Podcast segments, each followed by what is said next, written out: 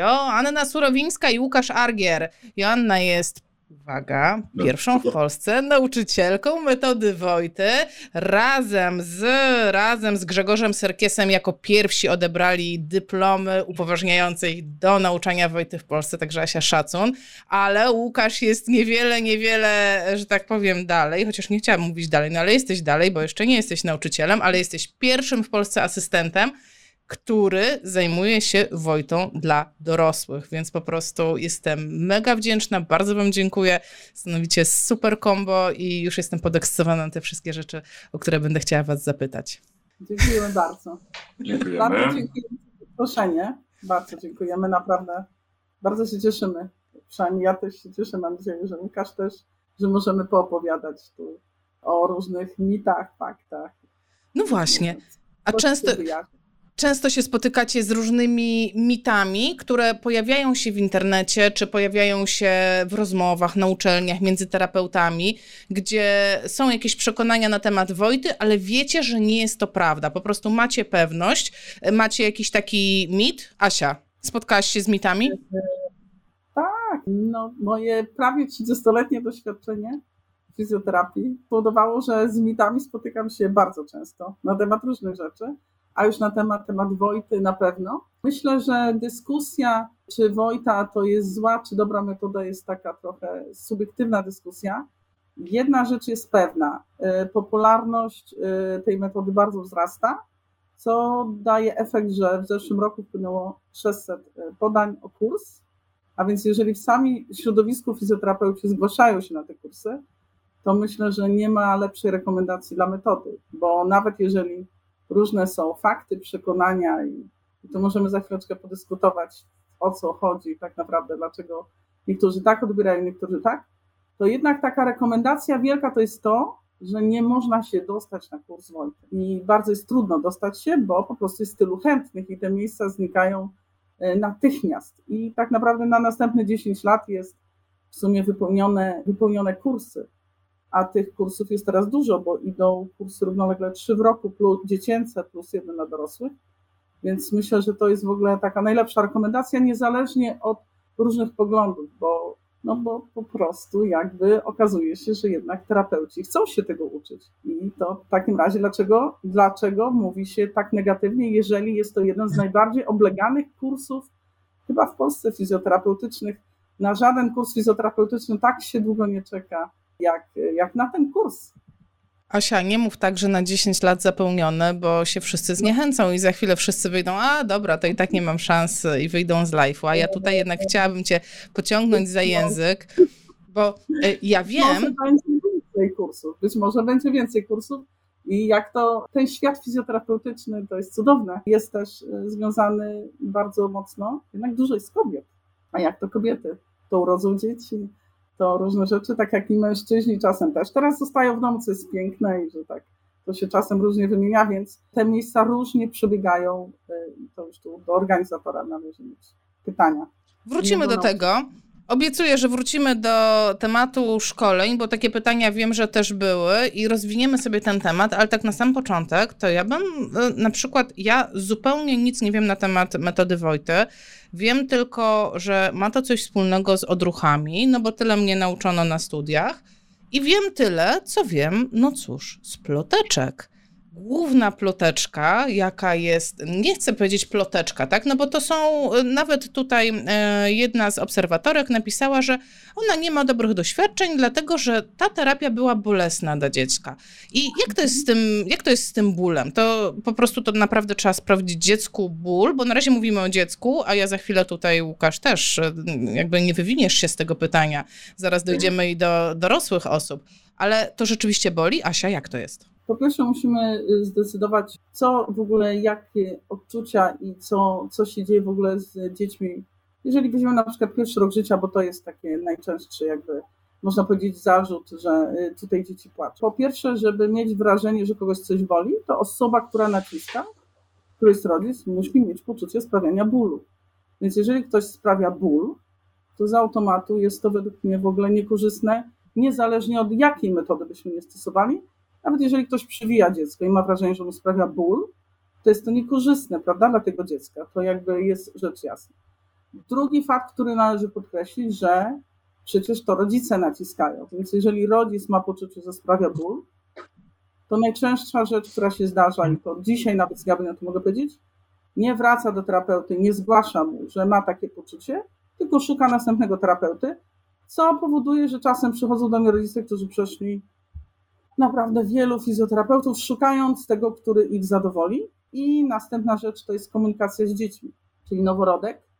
Jego komunikacja pierwsza, załóżmy takie dziecko czterotygodniowe, to w sumie albo jest spokojne, albo je, albo płacze, albo śpi. Dziecko sześciotygodniowe zaczyna się uśmiechać albo płacze, ale jeszcze nie mówi. Dziecko pięciomiesięczne zaczyna rozróżniać obcych, zaczyna, więc już go więcej rzeczy denerwuje, jeżeli go obca osoba bada, czy coś z nim robi. Ale jeżeli weźmiemy na przykład pod uwagę dzieci dziewięciomiesięczne, które wchodzi do gabinetu i się uśmiecha o tak, i co by się z nim nie robiło, jest zadowolone, i w sumie rodzic może wyjść z gabinetu, to już w tym wieku na przykład jest to zaburzenie behawioralne, bo dzieci mają wtedy fazę strachu przed obcymi, a nie to, że mają się uśmiechać.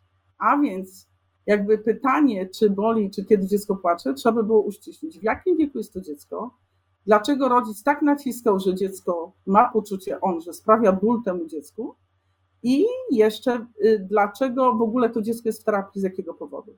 Jeżeli pomyślimy o dziecku, u którego rozwija się, które będzie miało w przyszłości diagnozę czterokończynowe mózgowe dziecięce, dla którego wykonanie ruchu jest trudne, które chce się ruszać, bo ma motywację mentalną, ale jego ciało mówi: Nie, nie, nie, napnij tutaj ręce, wyprostuj, musisz mieć taki nadmierny wyprost w rękach, to może się okazać, że nawet położenie na brzuchu jest trudne. Już że nie wspomnę o obrocie głowy. Dla tych dzieci w ogóle jest trudny ruch. I one najchętniej by leżały tylko na rodzicu, ale niestety mechanizmy podporowo-wyprostne, które są potrzebne w służbie orientacji wzrokowej, jak nam mówił Wojta, czyli wszystko przebiega, powoduje, że musimy z tymi dziećmi w jakiś, powinniśmy może, musimy nie jest dobrym słowem, powinniśmy, jeśli rodzice chcą, prowadzić terapię, ale tylko jeżeli rodzic chce. Nikt nikogo nie zmusza do tej terapii. To jest taka, musi być w ogóle, chciałabym, żeby to mocno wybrzmiało. Nikt nikogo nie zmusza. Jeżeli rodzic nie czuje się na siłach, jeżeli ma wrażenie, że sprawia ból, to dla mnie jest to przeciwwskazanie do prowadzenia przez tego rodzica terapii. To trzeba patrzeć na psychologię. Ważna jest całej rodziny, ale z drugiej strony rodzic jest zobowiązany trochę zapewnić optimum rozwoju swojego dziecka. I płacz dzieci jest bardzo zależny od tego, w jakim jest wieku. Na przykład weźmy dwulatka, zdrowego. Kto ma dwulatki, to wie, jak ciężko jest położyć dwulatka i przewinąć. A więc bardzo jest to zależne od komunikacji. To, co ja obserwuję, to czasami jest tak, że pierwsze dwie, trzy wizyty, a czasem na każdej wizycie powtarzam rodzicom komunikacja z dzieckiem, mówienie do dziecka, a nie rodzic bierze dziecko, kładzie i nie powie ani słowa, a więc być może więcej trzeba by w tym mieć psychologii, być może takiego podejścia. I być może problemem jest to czasem, że rodzic się naczyta, że to boli i sobie tak imputuje. I przychodząc do gabinetu mówi do dziecka, poczekaj, zaraz nie bój się, nie bój się, nie bój się. To już ja, ja się od razu powiem.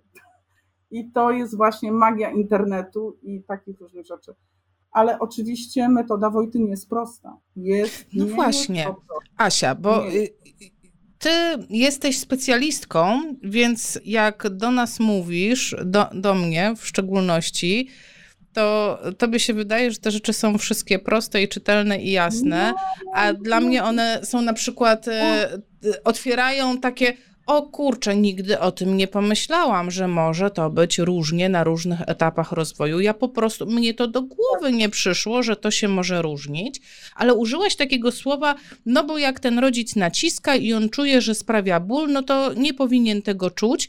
Rozwiń temat, o co chodzi z tym naciska, czyli ciągnę cię teraz w kierunku, o co chodzi w ogóle w tej metodzie. Odruchowa lokomocja, to znaczy, że co? Bo ja to sobie tak wyobrażam, dla mnie odruch to wiesz, na rozciąganie, rozciągnąć, to on odbije i skurcze rozwiń, o co chodzi. No ale to nie jest odruch, to nie jest taki odruch jak odruch chwytny stopy. O, ja tu mam lalkę nawet, że ja biorę, naciskam, zaraz, żeby to było widać, że to jest odwrotnie. Bliżej do siebie, w drugą stronę. O, tu, tu. O, tak. Że ja nacisnę tutaj druga, trzecia kość stopnia i dziecko w odpowiednim wieku, będąc także adekwatnym, do rozwoju neuro, neurobiologicznego, zamyka palce w starych stopno-paliczkowych. To jest taki prosty odruch. Ale Wojta nie jest taka prosta. Gdyby to było tak proste, to nie trzeba byłoby się tego uczyć na kursach.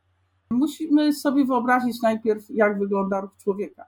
Jeżeli ja wyciągam teraz rękę do ciebie i chcę coś chwycić, a motywacja w służbie orientacji wzrokowej, o której mówił dużo Wojta, czyli że musisz chcieć, musisz mieć do tego narzędzie, czyli to jest automatyczne sterowanie postawą ciała, bo się nie mogę zastanowić, jak wyciągam rękę, tylko po prostu ją wyciągam. Nie mogę się zastanowić, gdzie jest łopatka, tylko ta łopatka musi się sama do mnie dostosować w swoich ruchach różnych, których jest dużo, to już nie będziemy wchodzić, ale tych ruchów jest dużo i one muszą być odpowiednie do tego, żeby ręka się odwróciła i jeszcze do tego, żeby oczy się skierowały, a więc musiał wziąć udział w tym kręgosłup. To teraz, gdyby ktoś mi chciał powiedzieć, ja chciałby ruszyć kręgiem TH3, a szyja musi się dobrze obracać w odpowiednim kierunku, kiedy patrzę, kiedy wyciągam rękę i w zależności czy leżę, czy siedzę. A więc Wojta znalazł coś takiego, że odkrył, że my mamy wrodzone wzorce motoryczne, zakodowane w ośrodkowym układzie nerwowym. I teraz trzeba dzieci, które mają blokady, czyli nie mają dostępu do tych wzorców, a wskutek różnych czynników, wylewów, nieprawidłowości, no, różnych rzeczy, to trzeba im dać dostęp do tego. A więc rządzi, musimy mieć to automatyczne sterowanie, tak jak powiedziałam, jak wyciągam rękę, to myślę o tym, ale następnie muszę mieć mechanizmy podprowowy-prostne, a więc muszę mieć coś, co mnie trzyma.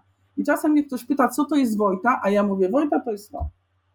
Czyli siedzę, a ta gra mięśniowa, kręgosłupa, oczu, wszystkiego nie trzyma. I ja teraz wyciągam do ciebie rękę i to jest Wojta. Czyli ja w ogóle o tym nie myślę. Niezależnie od zdenerwowania, ja po prostu wiem, że mogę to zrobić. A następnie celowy fazowy ruch, bo ta ręka się uwolniła od ciała. I jak wiesz, na pewno jest to bardzo ważne dla pacjenta, żeby on nie musiał o tym myśleć. I Wojta był na tyle genialny, że znalazł, że są takie punkty na ciele, które powodują, że jeżeli naciśniesz odpowiednio i wyzwolisz odpowiednią reakcję, czyli to jest tak trochę wygląda jak magia, ale to jest naprawdę coraz więcej mamy badań naukowych, jak to działa, że naciskam dziecku przestrzeń między piątą, szóstą, szóstą, siódmą przestrzenią międzyżebrową, a nagle poprawia się oddech.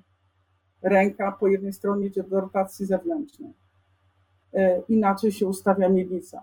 Wychodzi z prymitywnego przodopochylenia. A więc może zadziałać rotacja kręgosłupa, może zadziałać rotacja przejścia piersiowo-lędźwiowego. I to się dzieje bez udziału pacjenta. I potem ten pacjent się motywuje, chce, wyciąga rękę i on ma dostęp tu. Bo całym ruchem i tak rządzi środkowy układ nerwowy. I mamy coraz więcej badań. Akurat strefa piersiowa jest udowodniona trochę, czyli Hiszpanie zrobili bardzo fajne mapowanie mózgu. Można sobie poczytać taki artykuł o mapowaniu, o roli y, skorupy, o połączeniach, jak to idą włókna aferentne, C, jak to wszystko idzie. I y, to była ta genialność, że mamy filogenetycznie zakodowane różne wzorce w głowie, z których musimy korzystać. No bo tak naprawdę rozwój człowieka to jest i embrionalnie, i filogeneza, to wszystko musi być razem połączone. A więc prosto mówiąc, jeżeli ja chcę, chcemy, żeby dziecko wyciągnęło rękę, musi do tego umieć leżeć na plecach, a więc kręgosłup musi odpowiednio ustawić miednica. Musi na to popatrzeć, musi wyciągnąć rękę. A więc musi to zrobić automatycznie. Nie powiemy do dziecka czteromiesięcznego, hello, wyciągnij rękę. Dziecko, które rozwija spastyczność, które ma nieprawidłowe odruchy, nie ma dostępu do tych wzorców znajdujemy te pozycje, które znalazł dla nas profesor Wojta, to była jego genialność. Głównie znamy odruchowy obrót, odruchowe pełzanie, po czym mamy bardzo dużo tych stref. Dziewięć, a jedna w odruchowym odbrocie, ale to już może chodzi o to, że są te punkty. Te punkty są na okostnej, czyli na, okości, na kościach czasem, czasem są na mięśniach i jakby one dają, że terapeuta czeka na odpowiednią reakcję. I to nie jest tak, że są dwa tylko dwie pozycje. Jeżeli sobie wyobrażę, że ręka, którą układam, może być pomiędzy kątem 120 a 135 stopni, a wiemy, jak ważny jest 120 kąt stopni w ogóle do ruchu, wiemy, no to co to znaczy? Że ja już tu mam full możliwości. Jeżeli ręka jedna jest zgięta, to ja wiem, że znowu mogę różnie to prowadzić. I tak dalej, i tak dalej. Stąd tych wariacji terapeutycznych to trudno nawet nazwać ćwiczeniami. Ja mówię, że to jest wyzwalanie, aktywacja tych wzorców układu motorycznego, które są potrzebne. To jest bardzo ważne przy starszych dzieciach. Na przykład dzisiaj był u mnie chłopiec z porażeniem mózgowym, który w szkole ma trudności z wejściem po schodach. Jak go można nauczyć chodzić po schodach? Można chodzić z nim po schodach. Okej, okay, dobra, super. Ale można przed tym, że on pójdzie do tej szkoły rano, położyć go na plecach, głowę obrócić do siebie, głowę obrócić do siebie, powyżej 30 stopni, nacisnąć tą przestrzeń piąte, szóste, przestrzeń międzyżebrową. Rodzic wie, jak znaleźć tą reakcję. Łopatka się ustawi, kręgosłup się inaczej zrotuje, nogi się inaczej podnoszą, wejdzie po tych schodach łatwiej. I dlatego starsze dzieci chętnie, które mają dobry intelekt, bardzo chętnie właśnie przychodzą na Wojtę. Bo jeżeli mam spastyczność, to iść po schodach bez dobrej rotacji kręgosłupa, to kręgosłup nas sprowadzi, a iść tylko, żeby nogę postawić, no to to właśnie jest to genialne jakby podejście profesora Wojty. Być może fajnie by było zrozumieć, że Wojta jest przed ruchem. Czyli czasem mówimy, postawa podąża jak cień za ruchem. To jest postawa podąża przed ruchem. Muszę najpierw mieć ruch tu, musi zrobić mój kręgosłup odpowiednią rotację i wyprost intersegmentalny, żebym ja mógł wyciągnąć rękę. To działa na poziomie każdego uszkodzenia. Stąd to jest, tak działa Wojta. To jest Wojta. I Wojta to jest właśnie to. Czyli czekaj, to daj mi, daj mi to przełożyć na. Czy ja to dobrze zrozumiałam? Mam człowieka, bo zaraz ja zapytam o to naciskanie Łukasza. Fajnie po prostu wyczułeś to, kiedy trzeba wrócić, bo zaraz, zaraz będzie o dorosłych, ale także ja dobrze zrozumiała. Jak mam człowieka, abstrahując od jego wieku, to mam takie oddziaływanie, że w odpowiedniej pozycji, która w Wojcie nazywa się pozycją wyzwoleniową, tak? Który, no, nie. no, są, no ale dobra, pozycja tak, tak do że, że mam jakąś pozycję do wyzwolenia, y, których może być nieskończenie wiele tych pozycji. Sylwia to pisze, że pracuje 5 lat, nieskończenie wiele pozycji. W każdym razie mam wybrać pozycję, i w tej pozycji mogę stymulować odpowiednie punkty na ciele tego człowieka, i dzięki temu e, no, mamy pewne dowody i mamy to doświadczenie kliniczne, nie ja, wy, tak, że ten człowiek potem porusza się lepiej. I powiem ci tak, że o ile, jeśli chodzi o dzieci, to ja to rozumiem. Mamy wrodzone wzorce, mamy, mamy właśnie te wszystkie mechanizmy, które gdzieś tam powinny zaistnieć, ale nazwijmy to tak kolokwialnie, są przykryte patologią, tak? Że no, mamy tą spastyczność, mamy jakieś uszkodzenie układu nerwowego i zaczyna rządzić patologia, a ty dzięki temu, że je postymulujesz, to ta patologia, nie wiem, ma szansę się wyciszyć i mają szansę zacząć rządzić fizjologiczne wzorce. Nie wiem, czy nie namieszałam jeszcze bardziej. Zostają. I te i te zostają, ale mamy dostęp też do tych e, lepszych. Nie? Te, Wspaniale. No, a ja bym teraz chciała powiedzieć, za, zapytać się, bo ja pracuję z dorosłymi i powiem szczerze, że od lat spotykałam się z taką sytuacją, że wiedziałam, że jest Wojta dla dorosłych, ale po prostu nie potrafię sobie tego wyobrazić, że to tego dorosłego człowieka to też w jakąś pozycję i też e, uciskać odpowiednie punkty? Jak to jest, Łukasz? Znaczy, ja, ja pamiętam, jak też, pamiętam jak byłem na pierwszym kursie właśnie, w tym pierwszym kursie, który, który miał miejsce w Polsce jak do tego wszyscy podchodziliśmy, czyli myśleliśmy, że to jest pewien rodzaj takiego czary mary, prawda? czyli słyszeliśmy o tej odruchowej lokomocji, e, dużo z filmików niekoniecznie prawidłowych, dostępnych na YouTubie.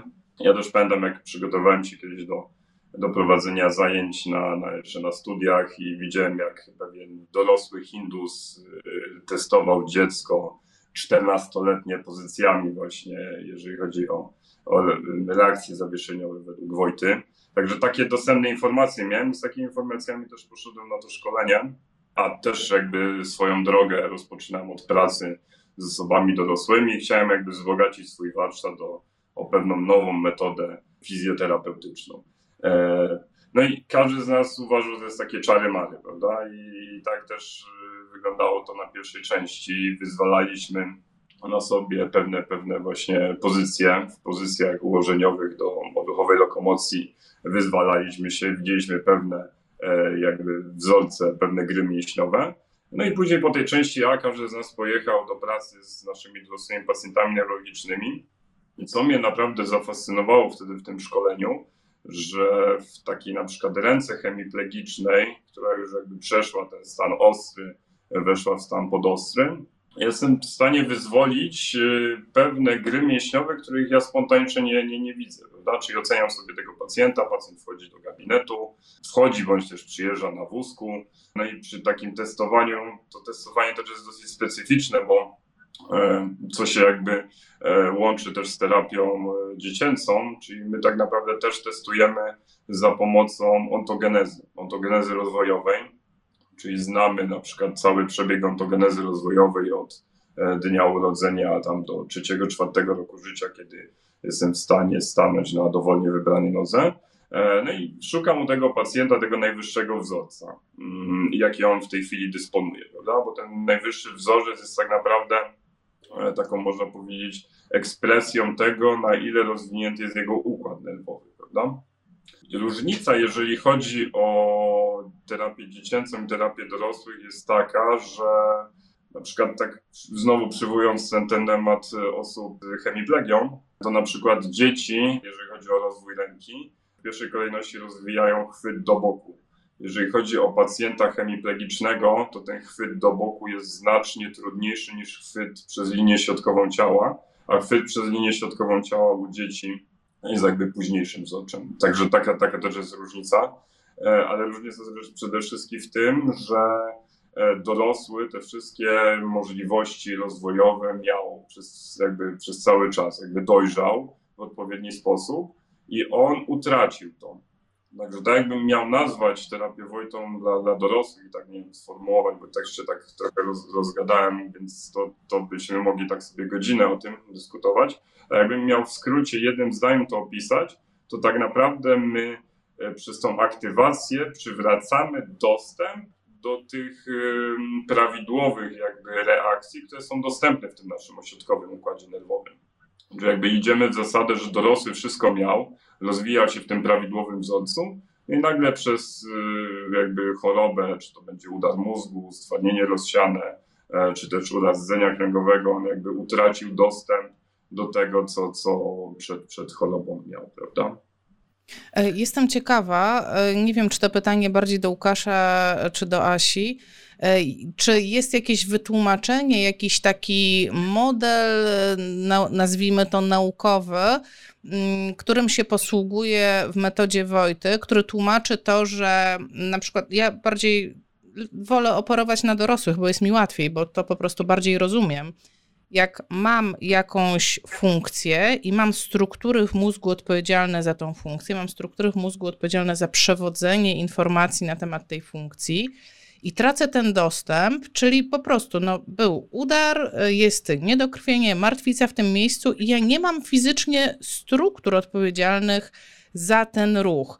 Czy jest jakieś wytłumaczenie, które pozwala mi zrozumieć to, jak ja mogę y, w cudzysłowie odblokować ten ruch, skoro straciłam e, układy odpowiedzialne za ten ruch. Zresztą tak samo jest troszkę chyba też i u dzieci, prawda? No bo nawet jak mam wrodzone wzorce, no to jak nie mam części układu nerwowego, no jak to tłumaczycie? No, y, jeszcze na ten temat trwają badania, bo właśnie to jest bardzo skomplikowane i oczywiście to jest bardzo dobre pytanie. To, co na pewno wytłumaczono już przy tej strefie piersiowej, to co było przy mapowaniu mózgu, że są bardzo mocno zaangażowane struktury jakby podkorowe. I one mają ogromny wpływ na to, na przewodzenie dalej i że dochodzi się dalej po prostu do dalszych ośrodków i że to działa na bardzo tym niskoprogowym układzie sensorycznym tych mechanoreceptorów dotykowych eferentnych typu C. I że na skórze tego jest bardzo dużo i są skupiska, które właśnie jakby wysyłają te sygnały. One rzutują do tylnej strony wyspy i po prostu jakby poprzez i gałkę bladu, i przez proszkowie, i poprzez wyspę, i powiązane z nią całą sieci mózgowi, i to po prostu w ten sposób można tylko wytłumaczyć. I te punkty y, cały czas y, trwa nad nimi, jakby próbowane są robione badania, ale nie jest to prosty proces, dlatego że wymaga to właśnie y, mapowania mózgu, to są bardzo drogie badania związane z rezonansem funkcjonalnym, I na dzieciach jest to bardzo ciężko zrobić, ale jest, są badania na dorosłych.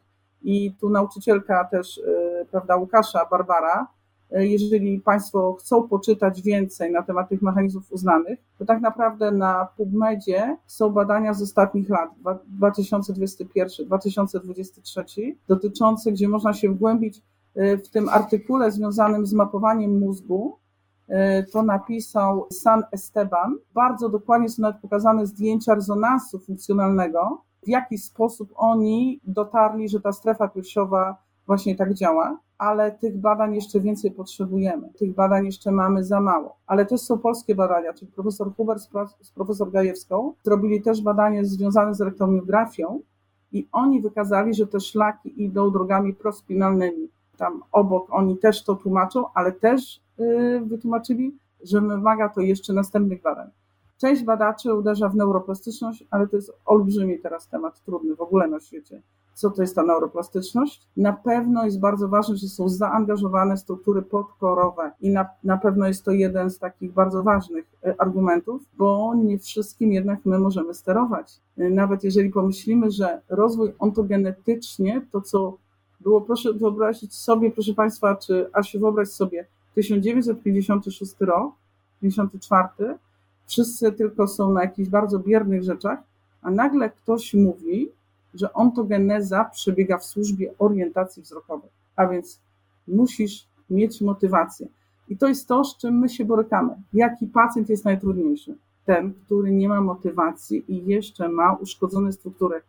Jeżeli masz dziecko inteligentne, to część dzieci inteligentnych poprawi się ilościowo na wskutek tego, że je będziesz motywować głosem ale ich jakość ruchu, jakość ruchu jest związana właśnie z podkorowymi systemami i one są połączone z mózgowiem i o tym nie można sobie pamiętać, czyli nie tylko decyduje o tym, że chodzę, moja chęć, to jest bardzo ważne, to jest w ogóle priorytet i to tak mi wyszło też w doktoracie. Najważniejsze, że musisz chcieć. To jest w ogóle rzecz, bez której nie damy rady. Musisz chcieć chodzić, ruszać się ręką. Ale druga rzecz, musisz mieć do tego narzędzia z ciała. Twój kręgosłup musi się do tego dostosować automatycznie i to właśnie daje Wojta. I oczywiście tych zarzutów, ja jeszcze bym może wspomniała o tych zarzutach i o tym bólu. To jest bardzo ważne, jak jest prowadzona Wojta, jacy to są terapeuci. Bardzo dużo osób jakby wymaga cały czas doszkalania. Tych doszkoleń jest bardzo dużo dla terapeutów. My się uczymy całe życie. Ja pracuję 22 lata równe Wojtą i ja ciągle się uczę. Ale to jest też bardzo ważne, żeby pamiętać, że wszystkie osoby, które zajmują się dziećmi, są fizjoterapeutami. Ja jestem fizjoterapeutą, który kocha Wojtę i który kocha rodziców i z tymi rodzicami nie zawsze jest łatwo, ale taka jest nasza praca. Ja jestem w służbie zdrowia i to nie będzie wszystko różowe. Jeżeli ta terapia jest taka łatwa dla kogoś, i to często jest tak, że dzieci po prostu nie mają większego problemu. Ale im masz trudniejszego pacjenta z większym uszkodzeniem, z trudnością behawioralną, w zrozumieniu komunikatów, tym jest trudniej. A rodzic jest rodzicem. Jaka to jest trudna sytuacja w pierwszym roku, że rodzice nie mają diagnozy. Ty już wiesz jako terapeuta, że będziesz mieć dziecko czterokończynowe, ale ty nie stawiasz diagnozy, bo ty jesteś diagnostą funkcjonalnym a rodzic tego nie wie. I nigdy nie zapomnę, Asiu, takiego zdania rodzica matki, którą spotkałam w supermarkecie, która mi powiedziała: O, dzień dobry, dzień dobry, pani Asiu. Dlaczego pani nam nie powiedziała w pierwszym roku, że my mamy zagrożenie chemiparezą? Bo byśmy inaczej podeszli do terapii. Ale ja nie mogę tego powiedzieć, bo ja nie jestem neurologiem. Ja nie mam prawa powiedzieć pacjentowi, państwa dziecko ma już chemiparezę, pomimo że to, co warto wspomnieć, Wojta dał nam wspaniałe narzędzie diagnostyczne. Oczywiście o odruchach teraz bardzo dużo osób mówi, o tych reakcjach ułożeniowych, ale nikt tego tak nie skonstruował jak e, profesor. I tak naprawdę wszyscy teraz, co my pracujemy na różnych pochodnych, to trochę przerabiamy to, co powiedział profesor Wojta. I e, to jest bardzo ważne, że dobry diagnosta bardzo szybko wie, w którą stronę idzie dziecko. Ale dzieci mają diagnozę wieku półtora roku, dwóch lat, trzech lat. Już, że nie wspomnę, że w wielu przypadkach wrażenie mózgowe wcale nie jest główną diagnozą. Wcale. To się czasem teraz jest genetyka, różne rzeczy. A więc to nie jest wszystko takie proste. I teraz rodzic, któremu jest bardzo ciężko czasem w pierwszym roku, nie wie, z czym się boryka, a czasem wie po wielu latach, a czasu się nie cofnie. Drugi aspekt jest oczywiście taki, że fizjoterapeutów dziecięcych za mało się uczy psychologii, niezależnie od wszystkich metod. I oczywiście na kursie się mówi o komunikacji bardzo dużo, ale ja osobiście uważam, że wszystkich fizjoterapeutów trzeba by było troszkę behawiorystycznie więcej uczyć. Sama się tego ciągle uczę i w ogóle nie czuję się od tego jakimś specjalistą. Ale jest, my nie jesteśmy uczeni, Asiu, komunikacji z pacjentem. W ogóle na studiach medycznych lekarze obecnie mają już zajęcia z komunikacji takiej z pacjentem. Czy nas ktoś mnie uczył, jak rozmawiać z młodym rodzicem, z mamą 23 lata, która wyszła z oddziału z wcześniakiem urodzonym 22 tygodnie i 3 dni, która nie przeszła ciąży, która dostała wypis ze szpitala, w którym jest pełno opisów uszkodzeń, która mota się w każdym tygodniu po 10 wizyt i której każdy fizjoterapeuta mówi co innego. I teraz y, w jaki sposób? A więc bardzo często to, co jest najtrudniejsze, a Wojta jest trudna, bo trzeba to zrobić dwa, trzy, cztery razy dziennie. Przypominam, że z małym dzieckiem to trwa krótko. To jest 5-10 minut maksymalnie terapii. To nie trwa godzinami. To nie jest, że 40 minut dziecko na stole leży i wrzeszczy. Słuchaj, słuchajcie, a ja mam taki szalony pomysł, nie wiem, czy to się da, to mi powiedzcie, czy to się da, ale teraz ogląda nas w tej chwili ponad 400 osób, prawie 500. Tak, tak. Bardzo dziękujemy, że jesteście z nami. I, e, I wszyscy piszą, znaczy no nie wszyscy, te osoby, które pracują Wojtą tutaj piszą, tak, to cudowne. Sporo osób napisało, że to cudowne doświadczenie było na kursie, poczuć o co chodzi. No i teraz mój szalony pomysł. Czy da się zrobić coś takiego, jakiś taki eksperyment, żebym ja mogła y, się gdzieś posmyrać i poczuć o co chodzi? Może widzowie też by mogli? W ogóle da się coś takiego zrobić, żeby poczuć, co to w ogóle jest, o co chodzi. Nie, ale możemy zrobić inny eksperyment. Możemy, nie zrobimy tu Wojty, bo musielibyśmy się położyć, ktoś to musi prowadzić, ty musisz się po prostu położyć. Ale my jesteśmy w stanie obracać głową, a wiemy, że obrót głowy jest bardzo ważny. A więc ja mam taką propozycję, żeby wszyscy obrócili głowę w prawo i wyciągnęli bez problemu rękę, tak jakby chcieli komuś powiedzieć: Hej, dzień dobry, jesteś tu. I teraz poczujcie, co robi wasza miednica, kręgosłup, co robi wszystko. Dobrze. A teraz bardzo proszę stale pochylić głowę w jedną stronę, stale, ale tak wyobraźcie sobie, że was przewiało tu w ogóle nie jesteście się w stanie ruszyć. I jeszcze proszę teraz sobie kciuk zrobić tak, tak ma dziecko i tak ma starszy, tu, o tak, i proszę to trzymać w ulnarnej dukcji. Koniecznie. Koniecznie. Jeszcze najlepiej po tej samej stronie, co pochylona głowa, w tej ulnarnej dukcji. Czyli jak w lewo pochyliliście głowę, to ulnarna, ulnarna dukcja. To jest takie dołokciowe uzdolnienie. Proszę sobie tak napiąć rękę, proszę spróbować. Proszę tak mocno to napiąć i mięsień dwugłowy koniecznie i łopatkę tak mocno docisnąć do pleców, że ona się w ogóle nie rusza. W ogóle się nie rusza. I teraz proszę spróbować rękę wyciągnąć i popatrzeć tam w tą lewą stronę i wyciągnąć rękę i poczuć, co się dzieje z kręgosłupem. Poczuć, poczuć, co się dzieje z żebrami i tak trzymać cały czas, trzymać cały czas. I teraz proszę sobie wyobrazić, że w tej pozycji trzeba się położyć na boku albo na plecach. Ale tak trzymamy. Jeżeli ktoś ma możliwość, może się teraz położyć na plecach. I tak się czują pacjenci.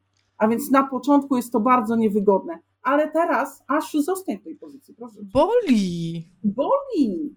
I jeszcze cię nie dotknęłam, patrz, już cię boli. A teraz spróbuj tak tylko trochę wrócić głową do osi. Spróbuj trochę głową wrócić do osi. Troszkę, troszkę. I troszkę tylko rozluźnij tą ulnarną dukcję. I teraz spróbuj. Jesteś dalej spastykiem. Dalej masz spastyczność, ale teraz się spróbuj położyć. Lepiej. Lepiej, ale ty tym rządzisz, rozumiesz? To są, twoja myśl łączy się z jądrami podkorowymi, ze strukturami podkorowymi i ty o tym decydujesz. To jest twój celowy fazowy ruch. Dziecko, człowiek chory po udarze, po problemach z kręgosłupem, stracił tą możliwość decyzji.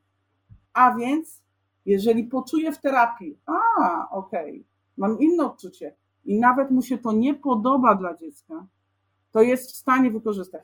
Ale jeżeli oczywiście nikt nie będzie patrzył, gdzie te dzieci patrzą i będziesz rzucać tym dzieckiem i będziesz się godzinę na tym stole przewracać jak kotlet, bez mówienia, co robią rodzice? Zamiast powiedzieć, hej misiu, położymy się, ok, zrobimy to. Nie, jak kotlet, a najlepiej wyjdę. To to wszystko traci sens i potem są zarzuty.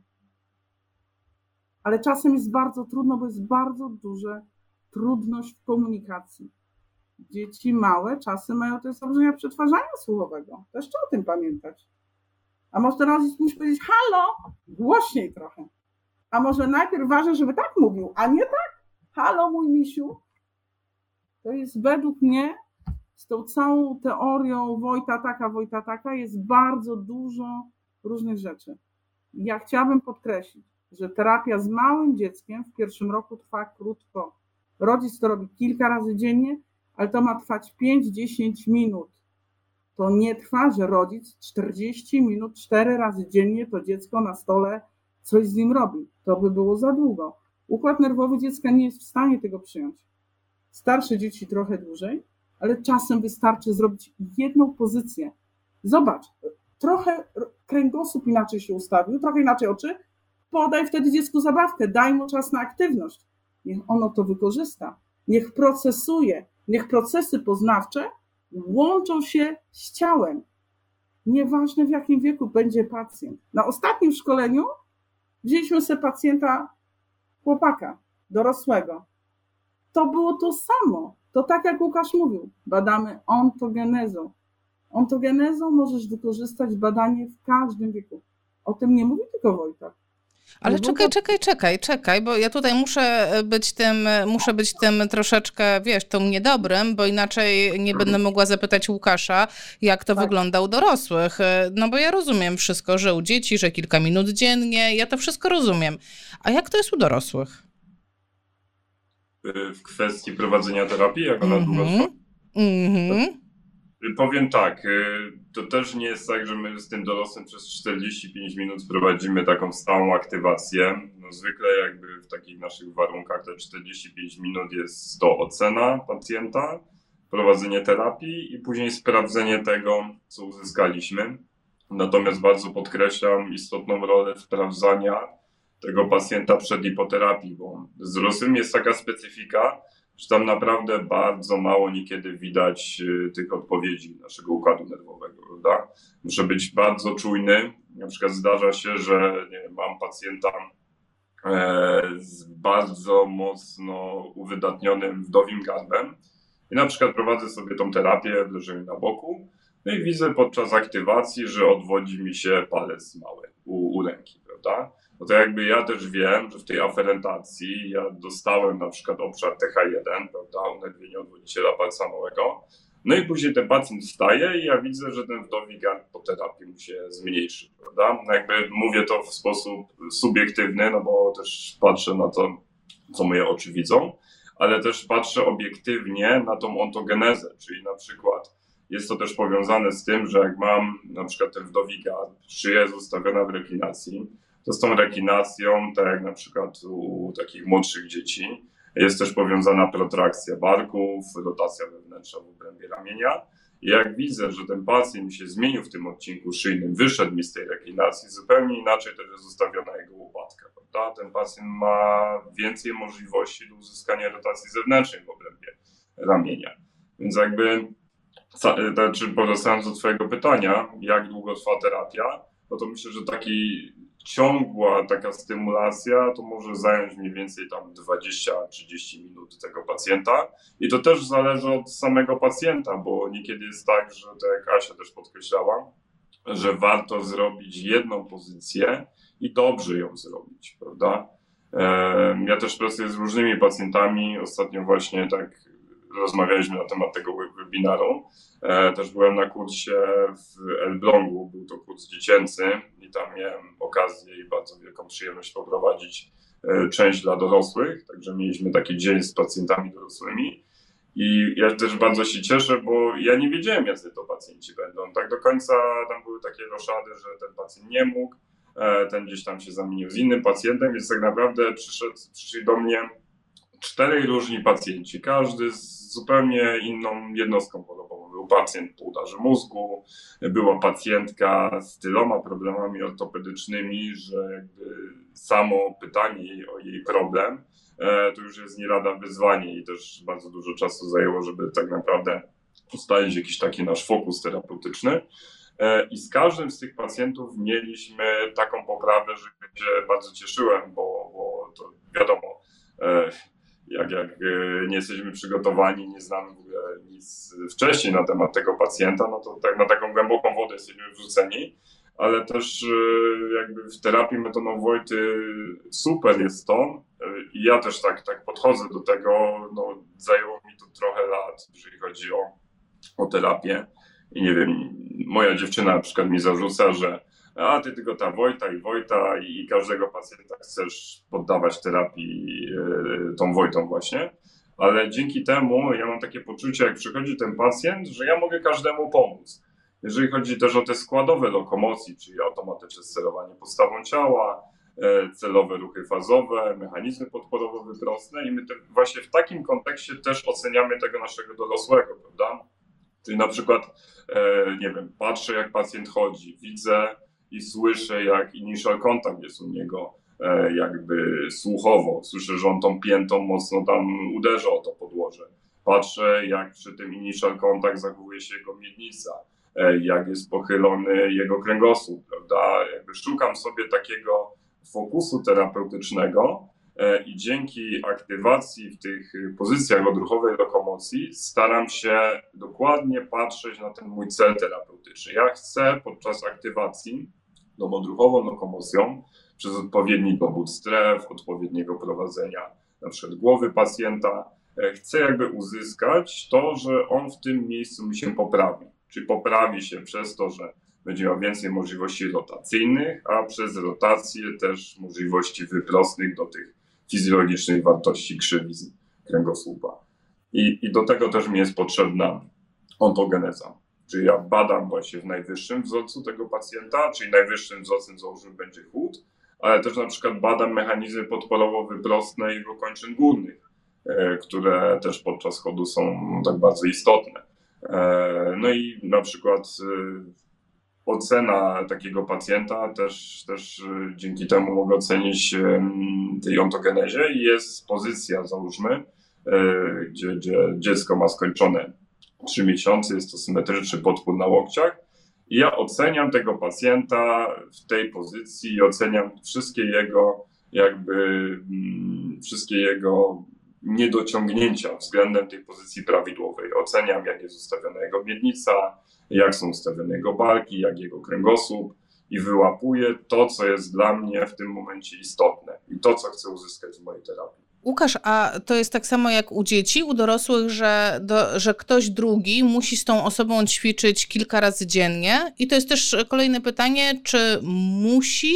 To jest w ramach metody, że kilka razy dziennie stymulujemy tą, tego chorego, tą osobę, e, czy to jest opcja? Czyli pytanie numer jeden do Łukasza, czy jest ileś razy dziennie, a potem pójdziemy w kierunku to ile razy dziennie, jak często, czyli jak w praktyce ta metoda mhm. wygląda. No i to też takie pytanie na, na kursie w Elblągu, ono padło, także odtworzę je jeszcze raz, jeżeli chodzi o moją odpowiedź. Generalnie to też wszystko zależy jeżeli mam jakby możliwości takie, że jestem w stanie z tej mojej ontogenezy wybrać e, takie pozycje, z których stworzę sobie na przykład ćwiczenia. Czy mam pacjenta z mocno usztywnionym kręgosłupem piersiowym, no to na przykład użyję sobie e, stabilnego leżenia na plecach. No i na przykład pacjent e, ma sobie blisko siebie ustawione przy, przed klatką piersiową kończyny górne zgięte w łokciach jego zadaniem jest y, ustawienie, jakby wysunięcie tych, tych łokci do góry tak jak szuflada, e, żeby te jego łopatki starały się raz przylegać po jednej stronie, raz po drugiej stronie i jakby wprowadzam go w taki impuls rotacyjny dla kręgosłupa piersiowego, bądź też y, każe pacjentowi, że jest to możliwe, żeby przeczworakował sobie. Ja pamiętam, jak byłem na kłócie u Maćka Krawczyka jeszcze zanim miałem Wojtę, no i Krawczyk jakby powiedział, że e, jak ma pacjenta mózgowego, to dla je, poprawy jego możliwości sterowania równowagą poleca temu pacjentowi, żeby on sobie po prostu poczworakował. Jest to wzór skrzyżny, naprzemienny, bardzo duża aferentacja dla, dla mechanizmów podporowych wyprostnej w obrębie kończyn. Także to jest jedna z takich możliwości. Kolejna z takich możliwości, bo też pytasz o to pewnie, czy, czy pacjent może poprosić kogoś z domowników. E, no zdarza no, czekaj, się, że... a, jeśli mogę się wtrącić, patrz, bo ja już w międzyczasie, to ja już zaliczyłam taki, e, flara mi się odpaliła w głowie. No ja tutaj słyszę pozycja, jakiś ruch, jakiś, jakaś powtarzalność, jakaś aktywność. No słuchajcie, to brzmi jak ćwiczenia. A do tej pory to ja miałam wrażenie, że Wojta jest terapią bierną dla tej osoby przyjmującej tą terapię, tak? No bo tak to zrozumiałam, no bo musi poleżeć, druga osoba stymuluje jakieś e, punkty, no a potem puszczamy ją w funkcję. A tutaj słyszę od Łukasza, nie, nie, jednak mamy jakieś tam formy ćwiczeń. No to ja tutaj poproszę o ustosunkowanie się, to są ćwiczenia, czy to jest e, terapia bierna, czy to jest miks? Nie, znaczy, no powiem Ci tak, bo, bo ja Ci jakby tak chcę odpowiedzieć na temat różnych propozycji dla tego pacjenta. Jedna z tych propozycji, ponieważ zdarza się tak, że nie wiem, ktoś jest osobą samotną, ktoś nie ma domownika w takim wieku, który mógłby, załóżmy, y, swoimi sprawnymi rękami postymulować y, punkty na, na ciele i w pewnych pozycjach. Tak, ale rozumiem, że to taka... było dobrze, ale rozumiem, że to by było fajnie, gdyby ktoś taki był. Y, y, jakby chodzi mi o samą tak. zasadę, o samą bazę, tak? Że bazowo byśmy oczekiwali również u osoby dorosłej, że mam terapię w ciągu dnia, która nie jest z terapeutą, ale z domownikiem, ale jeżeli nie mam tego domownika, nie mam tej osoby, to i ćwiczenia też dadzą radę. Czy ja to dobrze rozumiem, czy przesadziłam. Znaczy, jeżeli chodzi o, o dorosłych, bo o nich w tej chwili chcę się wypowiedzieć, e, no to też e, jest tak, że inaczej się utrzymuje ta pobudliwość. To też jest tak, że pacjent jak jest im dłużej w terapii, tym ten efekt terapeutyczny u niego się dłużej utrzymuje. Zdarza się na przykład, że pacjent po terapii czuje efekt terapeutyczny przez ponad dzień, prawda? Czyli jeżeli mamy pacjentów ze zdrowym układem nerwowym, Czyli jest to pacjent ortopedyczny, pacjent załóżmy z jakimiś problemami z postawą ciała, ze skoliozą, to ten efekt terapeutyczny może się u niego dłużej utrzymywać. Jeżeli jest to pacjent neurologiczny, no to ten efekt będzie krótszy.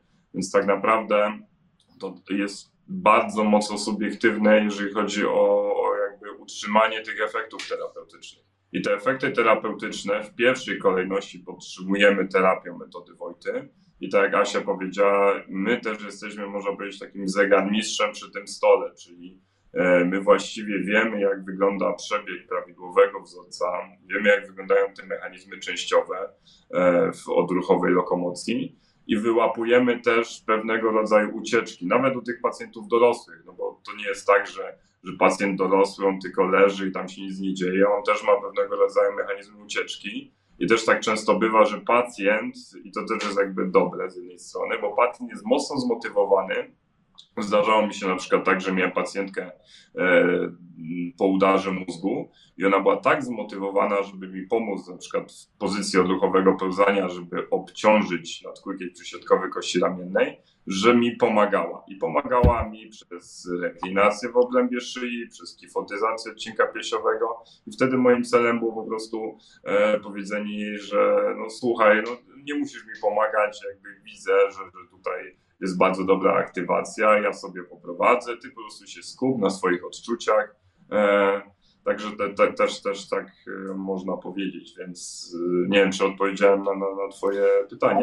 Trudno powiedzieć, wiesz co, ale okrzycz... czat mnie okrzyczał, że Wojta to nie ćwiczenia, to torowanie. To nie, nie mogę powiedzieć, że w Wojcie są ćwiczenia.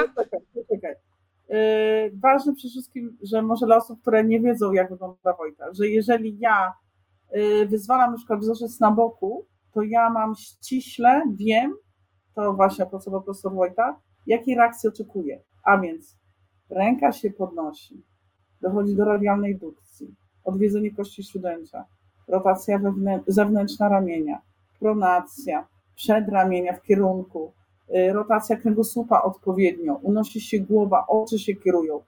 I teraz y, ćwiczenia to może jest tak coś takiego, że ćwiczysz, czyli po terapii ja temu pacjentowi powiem, na przykład, żeby właśnie położył się na brzuchu, obracał głowę może, albo może, żeby właśnie wtedy pochodził po tych schodach, albo powiem, żeby dziecko wsiadło na rower wtedy i ono wtedy ma do tego te gotowe rzeczy i to jest wtedy ćwiczenie.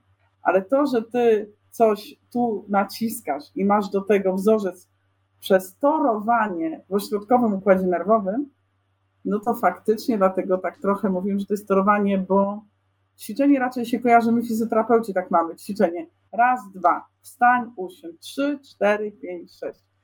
A w neurologii, czy w ogóle w, y, w odtwarzaniu prawidłowości ruchów, z którymi ty też pracujesz, to ważne byłoby powiedzieć, ja takie używam moje zdanie piękne, znajdź drogę, aby mógł zrobić sam to sam, tylko wtedy to wykorzystam. I dlatego powtarzalność pewnych ruchów po, jeżeli pacjent czegoś nie umie i ma potrzebę właśnie na przykład chodzenia po schodach, co jest niezwykle ważną umiejętnością, niezwykle ważne, bo naprawdę bariery są wszędzie, to wcześniej trzeba mu przetorować w środkowym układzie nerwowym wszystko to, czego do tego potrzebuje. No i to jest wojna. A jak to jest? Bo parę razy już w czasie Waszych wypowiedzi przewinęły się inne jednostki, inne rozpoznania niż neurologiczne. E, Łukasz wspomniał o ortopedycznym pacjencie, e, ty wspomniałaś też o pacjentach no, innych niż MPD, innych niż tak w cudzysłowie neurologia. To jakby wrzucić wszystkie osoby, które się kwalifikują do terapii metodą Wojty, to co to by były za osoby? Dla kogo jest ta terapia? Dla wszystkich osób, które mają zaburzenia lokomocji. Jeżeli potraktujesz, że lokomocją pierwszą dla człowieka jest oddech. Jeżeli już źle oddychasz, to już nie będziesz mieć tych wszystkich odpowiednich mechanizmów. To my wszyscy wiemy, pracując z pacjentami, jak ważny jest oddech. No ale proszę cię, niech ktoś mi powie, jak wysterować oddech. No musisz wejść do centralnego układu nerwowego. To się dzieje, musi być nie dasz rady myśleć, robię wdech i wydech. To jak zrobi pacjent, tak wdech i wydech, to po prostu nie ma możliwości. A więc wszyscy pacjenci, którzy mają zaburzenia, jakieś trudności w lokomocji, a więc pacjent ze skoliozą jak najbardziej, pacjent ortopedyczny. Jeżeli masz u pacjenta uszkodzone kolano, ja może tak, nie jestem taką specjalistką od dorosłych, ale nawet jeżeli ma dziecko uszkodzony staw skokowy na skutek urazy, i włożyli mu w gips, co zdarza się, jakby, prawda, wkłada się w gips przy takich mocniejszych urazach, to dzisiaj nawet miałem takiego pacjenta, to teraz nagle po sześciu tygodniach, ośmiu, w twojej głowie już jest kora sensoryczna, mówi, halo, ja już mam inny wzorzec, ale to dziecko miało dostęp i nie straciło tu dostępu. To możesz mu mówić, zginaj grzbietowo stopę, możesz go pomasować i też będzie ok, ale możesz przed tym położyć go na boku, ustawić w odpowiedniej pozycji, w której wiesz, że się prawidłowo aktywizuje będzie duża reakcja ze strony stawu skokowego, czyli na przykład wykorzystać kolec biodrowy, tych stref jest kilka na ciele, tego się uczył terapeuci na kursach i ten pacjent zaktywizuje wzorzec połączenia głowa ze stopą, a potem dlaczego nie? Ma osłabione mięśnie, nie przeszkadza, żeby robił zgięcie grzbietowe, ale on to już zrobi inaczej, bo będzie miał to połączenie. I dlatego, jeżeli na przykład pacjent, który ma, załóżmy, jest po dyskopatii, to jest to samo, on stracił dostęp, on ma tutaj to, ale on tutaj stracił dostęp do tego, no to znowu trzeba gdzieś ten dostęp, tą aferentację połączyć z tym ośrodkowym układzie nerwowym. I tak naprawdę dlatego jest bardzo ważne prowadzenie pacjentów i rozumienie, że Wojta nie wyklucza innych działań terapeutycznych. Dla mnie Wojta jest tym budulcem, filogenetycznym ruchu. Filogenetycznie zakodowany wzorce środkowy układ nerwowy i ontogenetyczny.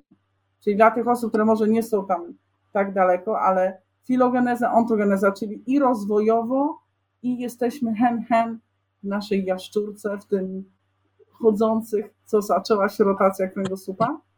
I y, dlatego to nie wyklucza, że terapeuta zrobisz 10-15 minut terapii metodą Wojty, a potem ten pacjent funkcjonalnie potrzebuje, żeby się nauczyć y, zdejmować bluzę, ale żeby zdjąć bluzę, potrzebujesz rotacji, ustawienia tej pięknej głowy, tego potrzebujesz. To możesz to ćwiczyć. ale może się okazać, że jak nie poprawiłeś go neurologicznie tu, to on będzie miał tak zwane mechanizmy uniku, czyli on będzie tak to robił. I my to samo widzimy w terapii. Jeżeli pacjent ma problemy, nie ma tego dostępu, to on pierwszą rzeczą, którą reaguje, to reaguje tym, co umie. A więc może się okazać, że chcesz coś zrobić, a ten pacjent jeszcze bardziej ci się na chwilę odgina. I wtedy torujesz go, odpowiednio zmieniając, bo jest ważne zaznaczyć, że w każdej strefie mamy ściśle określone kierunki, ale trzy na przykład. Może być kranio, kaudalnie, lateralnie i tymi kierunkami, czyli nie dość, że masz pozycję ściśle ukierunkowaną, do tego masz kąty różne, do tego masz miks stref, do tego masz jeszcze, y, no to jakby jest cały ogrom wiedzy, musisz umieć biomechanikę kręgosłupa świetnie, mięśnie świetnie, musisz wiedzieć dokładnie, który mięsień robi tilt posterior łopatki. Musisz wiedzieć, dlaczego serratus anterior jest ważny przy oddechu, przy podniesieniu ręki i przy podporze. I z którym mięśniem małym odwodzicielem palca małego, jak on ma się razem w chodzie. I to tak naprawdę jest wszystko bardzo skomplikowane. To, że widzi ktoś efekt, że terapeuta trzyma głowę i naciska na strefę, to jest produkt końcowy, ale to jest taka wierzchołek góry lodowej, a tam pod spodem jest cała neurologia, wiedza, mięśnie, biomechanika, analiza kręgosłupa, rotacji, psychologii, fizyki, yy, siły nacisku, rozumienia przez terapeutów różnych procesów neurologicznych i współpracy z innymi ludźmi. I absolutnie uważam, że funkcjonalne podejście jest absolutnie słusznym podejściem, i to jest też zarzut do Wojty, że nie ma funkcjonalnego podejścia. Szczerze mówiąc, zawsze się sprawdza funkcję przed i po. A środek to jest to, całe klucz, co się robi. Magia. Ja już rozumiem, dlaczego te, te kursy tyle trwają. Zaraz dojdziemy do tego. Obiecuję wszystkim, którzy czekają na trzy słowa o kursach, e, ale zanim o to zapytam, muszę Was poprosić. No nie mogę po prostu nie wykorzystać tej sytuacji. Powiem Wam, kiedy, że kiedyś wdałam się w taką bójkę internetową. No przysięgam, tak było, rzadko mi się zdarza, ale rozeszło się o metodę Wojty, tak, i rozeszło się konkretnie o y, terapeuci Wojty bronili takiej tezy, że y, świetna jest to metoda dla prowadzenia y, pacjenta z dystrofią, czyli zaburzeniami w obrębie tkanki mięśniowej, a ja broniłam tezy, że moim zdaniem to nie jest najlepsza metoda, nie jest optymalna, dlatego że no jednak tam nie jest zaburzenie w obrębie układu nerwowego czy sterowania. Ten człowiek nie ma problemu ze wzorcami, on ma problem, że jego efektor, jego mięsień po prostu nie ma jednego z białek, jego organizm nie produkuje danego mięśnia. A że to jest y, taki mój temat, y, dlatego że mój mąż po prostu ma dystrofię. Y, ja tutaj poproszę o rozsądzenie i takie spojrzenie z, ze stron i od strony terapii dorosłych, i, od, i Asia od Twojej strony y, terapii dzieci. Jak Wy to widzicie? Bo ja teraz już rozumiem więcej widzę te korzyści, które można by wynieść z terapii, że być może byłabym w stanie zaktywować jakieś ruchy, których e, po prostu e, ta osoba nie ma, nie ma do nich dostępu z różnych względów, na przykład z takich, że nigdy ich nie korzystała, no bo nie miała siły, żeby to zrobić. Jakby otworzyła mi się ta furtka, nie ma problemu, ale tutaj poproszę o ekspercką, o ekspertyzę poproszę. Po pierwsze, y, Łukasz, czy ja mogę jeszcze tak chwilę, żebym tu Możesz. Y, po pierwsze, Asiu, musiałabym wiedzieć, jakie potrzeby ma ten twój pacjent. To jest w ogóle dla mnie kluczowe. Dlatego, że ja nie leczę Wojtą schorzenia, żeby to było jasne. Dla mnie żadnym wskazaniem jest jednostka chorobowa. Ja y, absolutnie nie uważam, że wskazaniem jest to, że dziecko ma porażenie mózgowe do terapii. Wskazaniem jest to, że mój pacjent nie jest w stanie wejść po schodach. I musiałabyś mi powiedzieć u tego pacjenta, jaką on ma najpierw potrzebę. I to jest w ogóle dla mnie kluczowe. Jeżeli mi powiesz, jaką on ma potrzebę, to ja zobaczę, jak on, dlaczego nie wykonuje tego. Jak znajdę, gdzie on tego nie wykonuje, to wrzucę go w testy na bazie ontogenezy, żeby zobaczyć, gdzie się zgubił. Ja zobaczę, która część kręgosłupa mu nie pasuje. Jeżeli nawet masz zaburzenie efektora, to już gdzieś niestety kręgosłup pewnie się odezwał. Czy, czy tam jest idealna rotacja, idealny intersegmentalny wyprost? Nie. A więc ja znajdę, gdzie jest ta blokada neurorozwojowa i ja do niej dobiorę terapię I po terapii znowu sprawdzę funkcjonalnie tego pacjenta w ontogenezie. I to tak jak Łukasz mówił, że jeżeli ten pacjent przed terapią był w stanie leżeć na trzy miesiące, ale z pochyleniem głowy, to co zrobiliśmy eksperyment z tym wszystkim, po terapii nie, nie, nie, nie mówiłaś mu leż, leż, leż, tylko po terapii nagle on będzie w stanie tak leżeć i obrócić głowę, izolowanie, chociaż trochę, chociaż trochę lepiej, bez mniejszego pochylenia. To jest wygrana. Szczerze mówiąc, jednostka chorobowa w ogóle mnie nie interesuje. Tak naprawdę do końca. To jest moja wiedza pod spodem tej góry lodowej. Pierwsze jest potrzeba pacjenta. Dlaczego ja chcę i ten pacjent chce się spotkać razem. I to jest to moje wytłumaczenie. Stąd w ogóle nie będę szczerze mówiąc wnikać, jaka jednostka chorobowa. W ogóle, bo istotne jest, jaką potrzebę, dlaczego ty chcesz, co ci przeszkadza z tym twoim, tak, mężem, tak? Co, co ci przeszkadza? Powiedz mi, co ułatwiłoby mu życie? No, mógłby, wiesz co, Asia, no mógłby sprzątać więcej, tak szczerze mówiąc, okay. jeżeli Czyli mogę wyrazić. Do tego potrzebuje na pewno, żeby rękę wyciągnąć milion 90 stopni, bo tak jest odkurzacz. I musi przy wyciągnięciu ręki sterować lordozą, bo jeżeli nie będzie sterował lordozą, to upadnie. To może ja go położę na brzuchu, umówcie się z Łukaszem, położę go na brzuchu, obrócę głowę, nacisnę nadpłychnieć i zobaczę, co przy nacisku nadpłychcia robi jego lordoza. Czy robi się konweks w odpowiednią stronę, rotacja osiowa, czy nie. Bo być może z drugą stronę i być może jak ty mu dajesz odkurzać, to jego kręgosłup się wygina nie w tą stronę, co trzeba i on mówi, nie, sorry Asia, ja jestem tak zmęczony, że ja nie dam rady i będę go rozumieć, bo tak jest. Magia, czyli niegłupim pomysłem jest, nawet jeżeli mamy taką jednostkę chorobową, która w ogóle nam się nie kojarzy z Wojtą, niegłupim pomysłem jest jednak konsultacja z terapeutą Wojty, bo być może otworzy nam furteczkę, która wcześniej nawet by nam nie przyszła do głowy, że taka zależność istnieje. To ja też mogę się przykładem posłużyć, bo miałem w ostatnim czasie pacjenta z dystrofią, ale w trakcie diagnostyki e, i koleżanka mnie prosiła właśnie, żebym zobaczył tą, tą jej pacjentkę i stwierdził, jakie ja mam możliwości działania. E, no i umówiliśmy się na, na konsultację, no i tak jak też Asia to podkreśla, ustaliliśmy, jaki cel ma właściwie ten pacjent i ten, ten cel był stricte funkcjonalny, czyli ten pacjent powiedział, że on by chciał dłużej móc chodzić na tym spacerze, prawda, że jest tak, że wychodzi na spacer, po przejściu tam dystansu 200-300 metrów, czuje ciężkość, czuje problemy z oddychaniem, czuje, że te jego kończyny są, są coraz cięższe i coraz trudniej się poruszać. No i zrobiliśmy taką krótką terapię, jakby też sygnał alarmowy, żeby nie przeciążyć tego pacjenta e, już na starcie. No i zrobiliśmy aktywację pierwszej fazy odruchowego obrotu, czyli położyłem tego pacjenta na plecach, zaktywowałem mu strefę piersiową.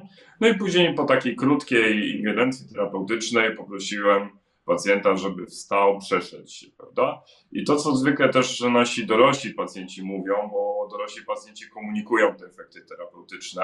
E, wiadomo, my też je widzimy, ale pacjent y, no, jest w stanie zwerbalizować to, co się właściwie wydarzyło. I, I myślę, że dużo pacjentów używa określenia e, tak jakby ktoś zrzucił ze mnie jakiś niezbędny balast, ciężar, prawda, jest po prostu lżej, lepiej mi się chodzi, mogę w pełni na przykład mm, przez wdech nosem napełnić moje płuca. E, no i też powiedziałem tej pacjentce, żeby dała mi znać, no bo tak wiadomo, ja jestem przyzwyczajony do tego, że robię terapię i po terapii mam efekt, ale też e, zawsze chciałbym wiedzieć, co ten pacjent na drugi dzień, jak on to czuł, prawda? E, no i to też jakby było powiązane, oprócz samych tych, tych problemów lokomocyjnych, pacjentka zasygnalizowała, że e, są silne dolegliwości bólowe, że jak na przykład jednego dnia zrobi więc, większy dystans, to drugiego dnia rano się budzi z silnym bólem, prawda? No i tak też ją poprosiłem, żeby po, po tej aktywacji powiedziała mi, jak tego drugiego dnia, mówi, że to był jeden z lepszych jej dni, wstała bez bólu, e, poczuła, że ten efekt terapeutyczny się utrzymał, czyli to, to co też mówiłem na temat tych moich pacjentów dorosłych i też chciałbym jeszcze odnieść się może do tego, do tych ćwiczeń, e, ponieważ część dorosłych e, troszkę inaczej wygląda. My w ostatni dzień kursu, czy w ostatniej części mamy właściwie taki temat, co pacjent może zrobić sam. Dlatego też w tej Wojcie właśnie dajemy takie zadanie domowe tym pacjentom dorosłym, prawda? Czy ja na przykład swoim pacjentom po udarach mózgu każę chodzić do boku w pewnym takim specyficznym sposób, z wzorcu skrzyżnym naprzemiennym. Ale jeszcze odnosząc się do tej pacjentki, to tak jak mówię, był to jeden z lepszych jej, jej dni na, na kolejną, kolejną część. No i nauczyłem też terapeutki, która na co dzień z nią pracowała, pewnych prostych aktywacji. Czyli na przykład, znaczy wydaje się, że ta aktywacja tej naszej pierwszej fazy jest najprostsza, bo pozycja jest dosyć prosta, lokalizacja strefy ale tak naprawdę niekiedy jest to jedna z cięższych pozycji. Prawda? Żeby ją dobrze zaktywować, zwłaszcza na przykład jeżeli mamy pacjentów bólowych, jeżeli chodzi o odcinek lędźwiowy i w pole nie zaktywujemy wyprostu miednicy, a na przykład widzimy aktywację grupy kulszowo-gleniowej. Czyli pacjent z przodopochyleniem miednicy aktywuje grupę kulszowo-gleniową, ale to tak naprawdę ja będąc tym całym zegarmistrzem podczas tej terapii, to tak naprawdę ja muszę wyłapać te pewne rzeczy, wyłapać pewne nieprawidłowości, których pacjent, czy które mi prezentuje pacjent podczas, podczas aktywacji. Więc tak naprawdę mając do dyspozycji tego pacjenta, daję sobie ten fokus terapeutyczny, który muszę stricte dostać podczas tej mojej aktywacji.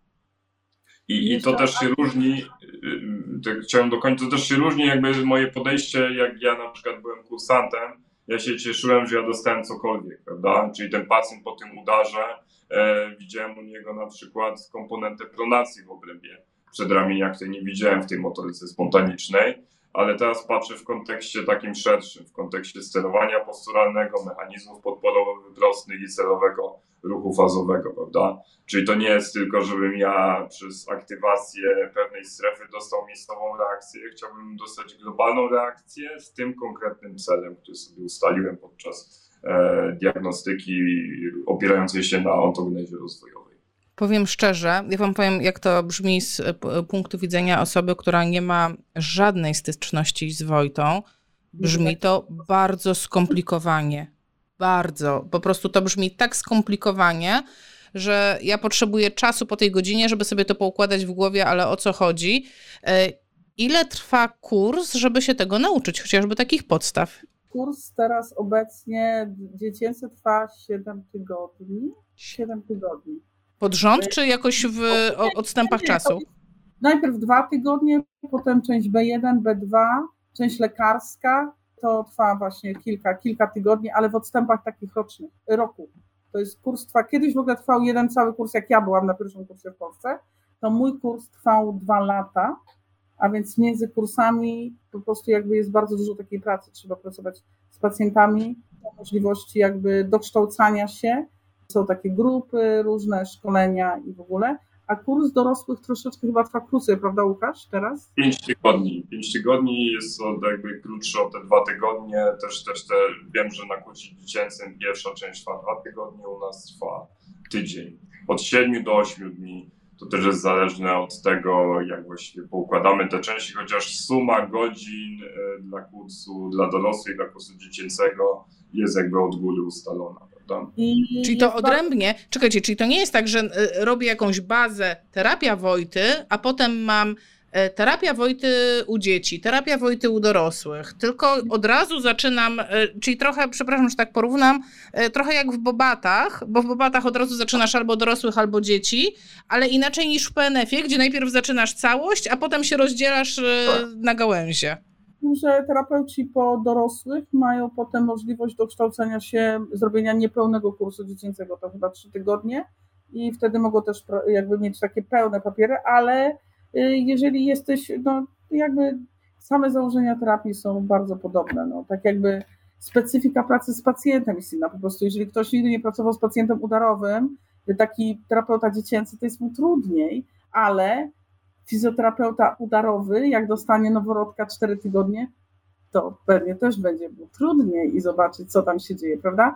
I jest ważne powiedzieć, że jest bardzo duża kadra na e, każdym kursie i to też jest taki pewny ogranicznik, tak? No właśnie, a powiedzcie, jak to wygląda, bo ja już e, zakulisowo dowiedziałam się, e, ile osób jest na kursie i że to grupy są 20... Od 18 do 25 osób.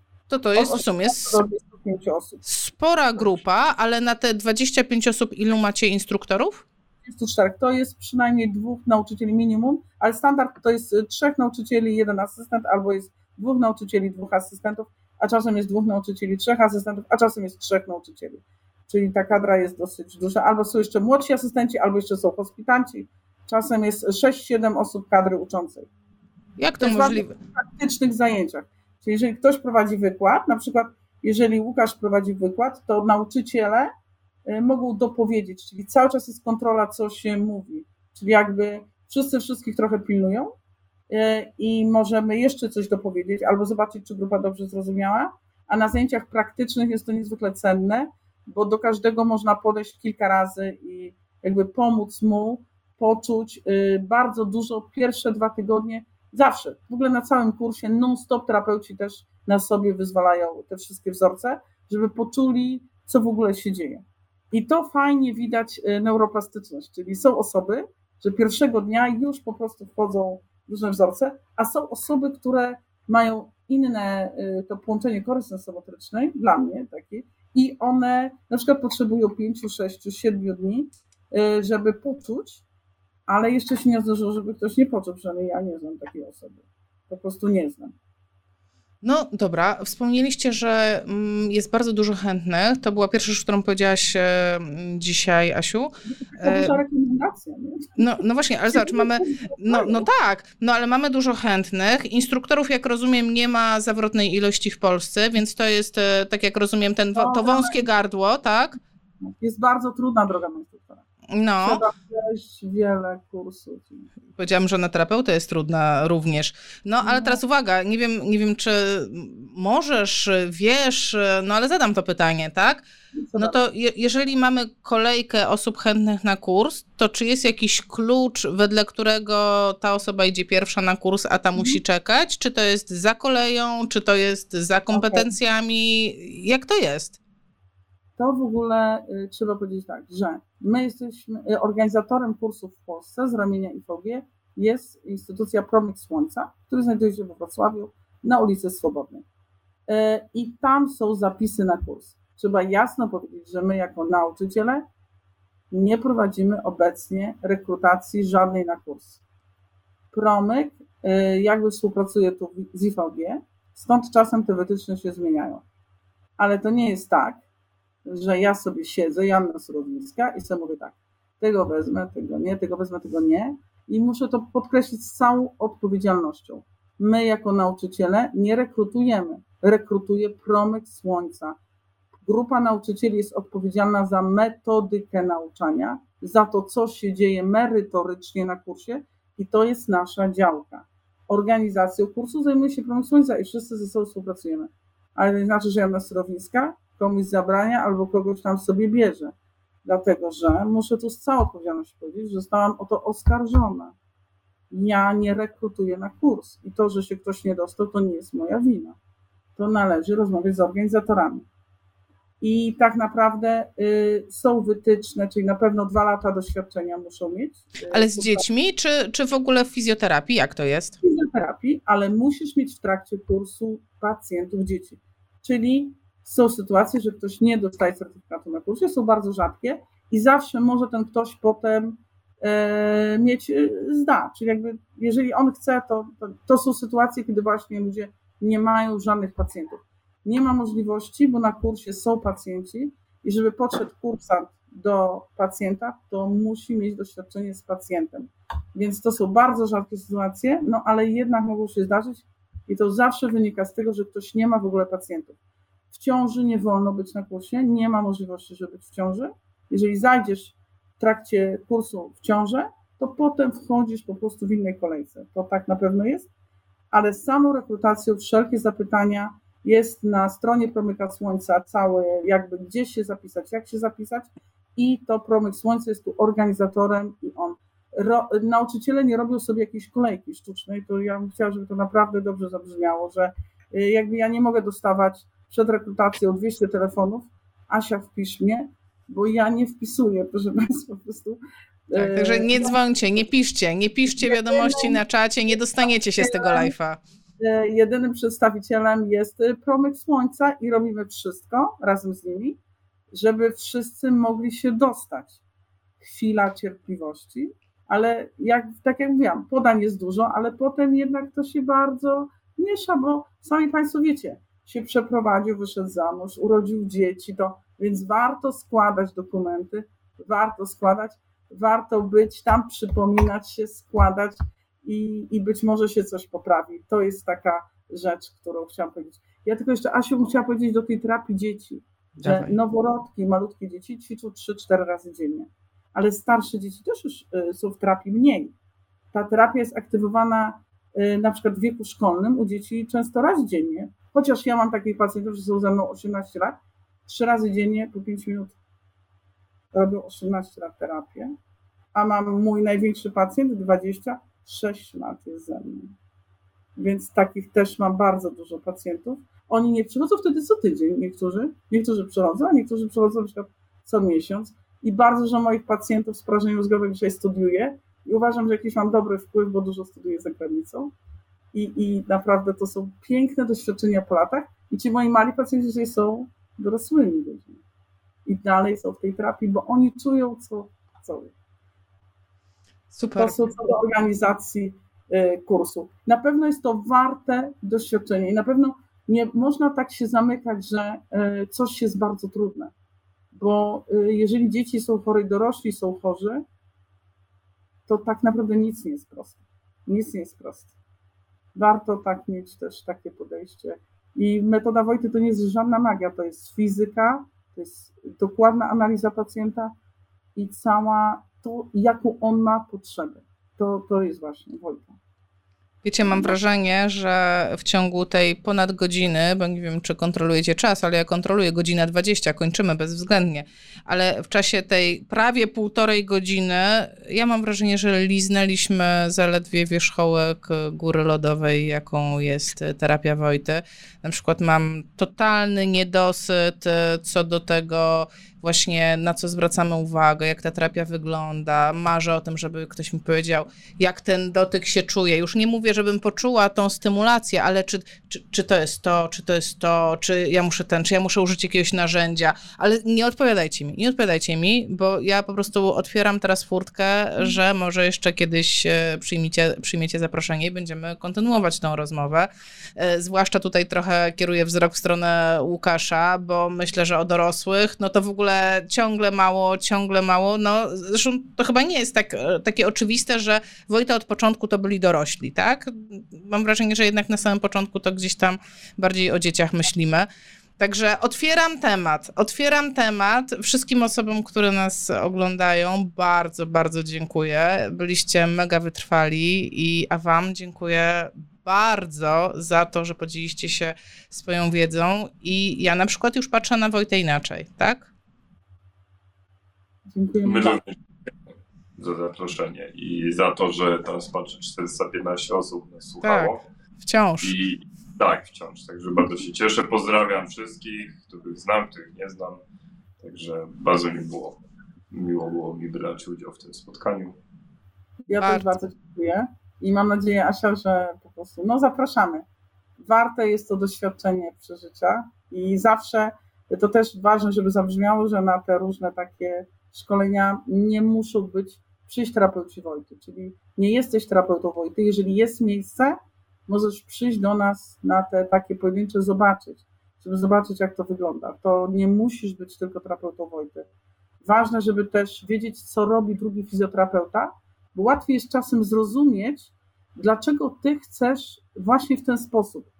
A takie mówienie tylko na bazie plotek i mitów, więc dziękujemy Ci, że w ogóle robisz te live'y i chcesz właśnie, żeby to była e, fizjoterapia na faktach. Wszystko dzięki Wam, moim gościom. Bardzo dziękuję. Do zobaczenia. Cześć. Dziękujemy.